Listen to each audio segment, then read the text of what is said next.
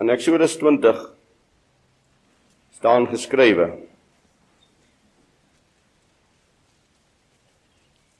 Die vyfde vers ek Jawe jou God is 'n jaloese, is 'n ywerige God wat die misdaad van die vaders besoek aan die kinders aan die derde en aan die vierde geslag van die wat my haat of my ongehoorsaam is. En dan staan hier ook jy mag die naam van Jawe jou God nie uitelik gebruik nie want Jawe sal die een wat sy naam uitelik gebruik nie ongestraf laat bly nie. Hy's 'n ywerige God wat vergeld tot in die derde en vierde geslag. Hy is 'n almagtige wat die sonde nie ongestraf laat bly. Ons staan dan vanmôre stil by die derde aflewering van die tema beginsels. En u sal onthou dat op verlede boodskap ons die kern van die boodskap deurgedra het dat dit 'n beginsel is dat Yeshua die Messia gegenereer is tot die liefde en die genade. Hy is die begin en hy is die beginsel van liefde en van genade. Nou lees ons hier in Genesis 3 vers 15. Ek sal vyandskap stel tussen jou en die vrou, tussen jou saad en haar saad. Hy sal jou die kop vermorsel en jy sal hom in die hakskeen byt. Ek stel vyandskap, sê die Almagtige. Hierdie vyandskap wat vermore in die wêreld waarin u en ek leef, wat deur die mens probeer word om opgehef te word, om gekanselleer te word. Dis die hele probleem van die wêreld waarin ons vermore leef, dat die mens wil die bepalende van God die beginsels van God verander. God het 'n beginsel daar gestel. Vyandskap straf. In Yeshua lê die beginsel dus van geregtigheid en heiligheid. Net soos daar die beginsel lê van liefde en genade, ook van geregtigheid en van heiligheid. Nou wil ek sommer net so 'n paar versies lees. Daar is geweldig baie van hulle in die Bybel, maar net sommer so vir 'n basis. Psalm 89 vers 15. Geregtigheid en reg is die grondslag van u troon. Mooi luister wat daar staan. Ons leef in 'n wêreld van onreg. Ons leef in 'n wêreld waar die skrif sê die koninkryke van die aarde behoort nie aan God nie. Dit lê in die onreg en in die ongeregtigheid.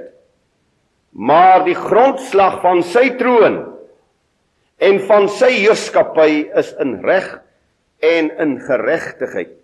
Psalm 119 vers 142 U geregtigheid is geregtigheid tot in ewigheid. U wet is waarheid. Dis 'n geregtigheid tot in ewigheid. Dit wil sê daar is nie 'n mo moment. Daar is nie 'n sekonde in die tyd wat die geregtigheid van God nie volmaak bly wat dit is en dit kan nooit verander nie. Ja Jeremia 23 vers 6 In sy dae sal Juda verlos word en Israel veilig woon en in sy naam waarmee genoem sal word Jawe ons geregtigheid. Dit word ook herhaal in Hoofstuk 33 vers 16. Jawe ons geregtigheid. Die hele probleem waarmee die wêreld vanmôre sit, die hele probleem waarin Suid-Afrika sit met sy hele toestand is ongeregtigheid. En daarom is dit wankelend en daarom tuimel en val alles. Nou in Levitikus 11 vers 44 staan geskrywe dat hy is heiligheid. Moontlik moet ek dit maar lees. Levitikus 11 vers 44. Want ek is Jawe, julle almagtige, toon dan dat julle heilig is en wees heilig want ek is heilig. Nou die woord heilig beteken mos afsonder, eenkant plaas in die politieke woord apartheid. Uh Jesaja 6 vers 3 en een van die ander toegeroep en gesê heilig heilig heilig is Jawe van die leerskare.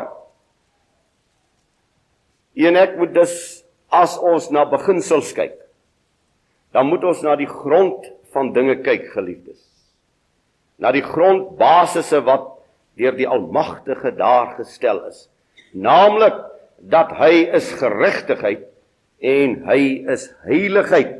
En enige een wat dus in sy teenwoordigheid wil inbeweeg wat in sy gemeenskap wil wees kan nie daar wees sonder geregtigheid en sonder heiligheid. Soos sy wese ewig liefde en genade is so is sy wese ook ewig heiligheid en geregtigheid dis 'n onkreukbare beginsel alle orde Alle regeergesag lê in hierdie beginsel van heilige geregtigheid. Daar kan geen begin wees. Daar kan geen voortgang wees. Dit wil sê beginsels sonder hierdie on, onbreekbaarheid van die korrektheid en die orde van God. Dit wil sê sy hele wese, sy hele bestaan, sy hele begin, sy hele voortgang lê dus in 'n lyn lê dis in 'n ordelyn, lê dis in absolute korrektheid ter wille van die kindertjies. As ek nou 'n reguit lyn trek, het julle al 'n reguit lyn gesien? As julle 'n liniaal neersit, dan trek 'n streepie daar neer en jy vat hom weg, dan sien julle 'n reguit lyn.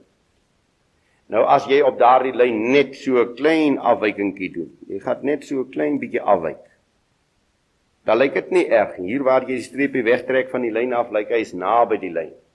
Maar nou verleng jy die reguit lyn en jy verleng verleng hierdie klein afwyking. En nou hoeveel eeue kom jy totaal op verskillende plekke. Dit wil sê wat ek vir julle as kindertjies vanmôre wil leergee is God se orde lyn is 'n absolute reguit lyn. En enige afwyking van hierdie lyn bring jou op 'n totaal ander plek uit. Daarom sê hy vir die gelowige, jy mag nie regs of links afwyk van my pad nie. Jy moet hom hou. Julle sal oplet in die wêreld, jy kry goddelose mense. Hulle is vreeslik hopeloos. Dan kom hulle op die lyn en dan val boor die lyn, dan is hulle weer te vroom, hulle is te uh hulle is nou so heilig. Hoe het ek 'n tannie geken wat die Bybel gelees het terwyl sy haar deeg geknee het? Dis heeltemal absurd. Heeltemal afwykend. God is te heilig daarvoor. So 'n mens moet balans hê in jou lewe. Ek wil herhaal, daar kan geen begin wees en daar kan geen voortgang wees as die orde lyn, as die geregtigheid nie gehandhaaf word. Suid-Afrika as blanke volk val die modder in omdat hy die orde lyn van God geïgnoreer het. Alles fungeer dus volgens 'n vaste beginsel. En sou daarvan afgewyk word, is daar chaos en verwoesting. Weer vir die kinders. Hierdie skepping waarin ons lewe is baie planete en baie sterre. God het vir elkeen 'n vaste beginsel bepaal. 'n Vaste lyn, vaste pad. Ek kan julle nou net bietjie vanmôre dink as hierdie aardbol waarop ons nou lewe. As hy nou net so 'n bietjie moet afwyk so 'n bietjie nader son toe beweeg. Wat gaan gebeur? As hy sy pad verlaat, as hy sy beginsel verlaat. Ons gaan almal uitbrand. En as hy wegtrek van die son wat dink julle gaan gebeur? Ons gaan almal vereis. Net 'n klein bewegingkie nader of hy en daar's chaos. Geliefdes, dit het tot gevolg dat die afwyking of die verloor van die beginsel outomaties straf na vore roep. Dit kan nie anders. As ek sê as jy afwyk, is daar chaos. As jy van moet met jou moederkar van die pad afry, is daar chaos. As jy afwyk van die weg van God af, is daar straf. Daar staan in Jesaja 14 vers 12: Hoe het jy die hemel geval, o môre ster seun van die daaraad? Hoe lê jy teen die aarde neergeslaan oor oorweldiger van die nasies? Jy wat in jou hart gesê het, Ek wil opklim in die hemel, my troon verhef bo die sterre van God en sit op die berg van samekoms in die uithoeke van die noorde. Satan, Lucifer. Hierdie môre ster, soos die Bybel hom noem. Hierdie seun van die daaraad. Hierdie God van ewe eweredigheid sê Esegiel 28. Die oomblik toe hy sy hart teen God verhef. Daardie oomblik toe val hy. Toe val hy die hoogte. Toe val hy die heerlikheid. Toe val hy die uit die wonder van God. Dit is onmoontlik dat enige skepsel enige mens sal afwyk van die weg van God sonder straf. Dis onmoontlik. Dit sal net volg.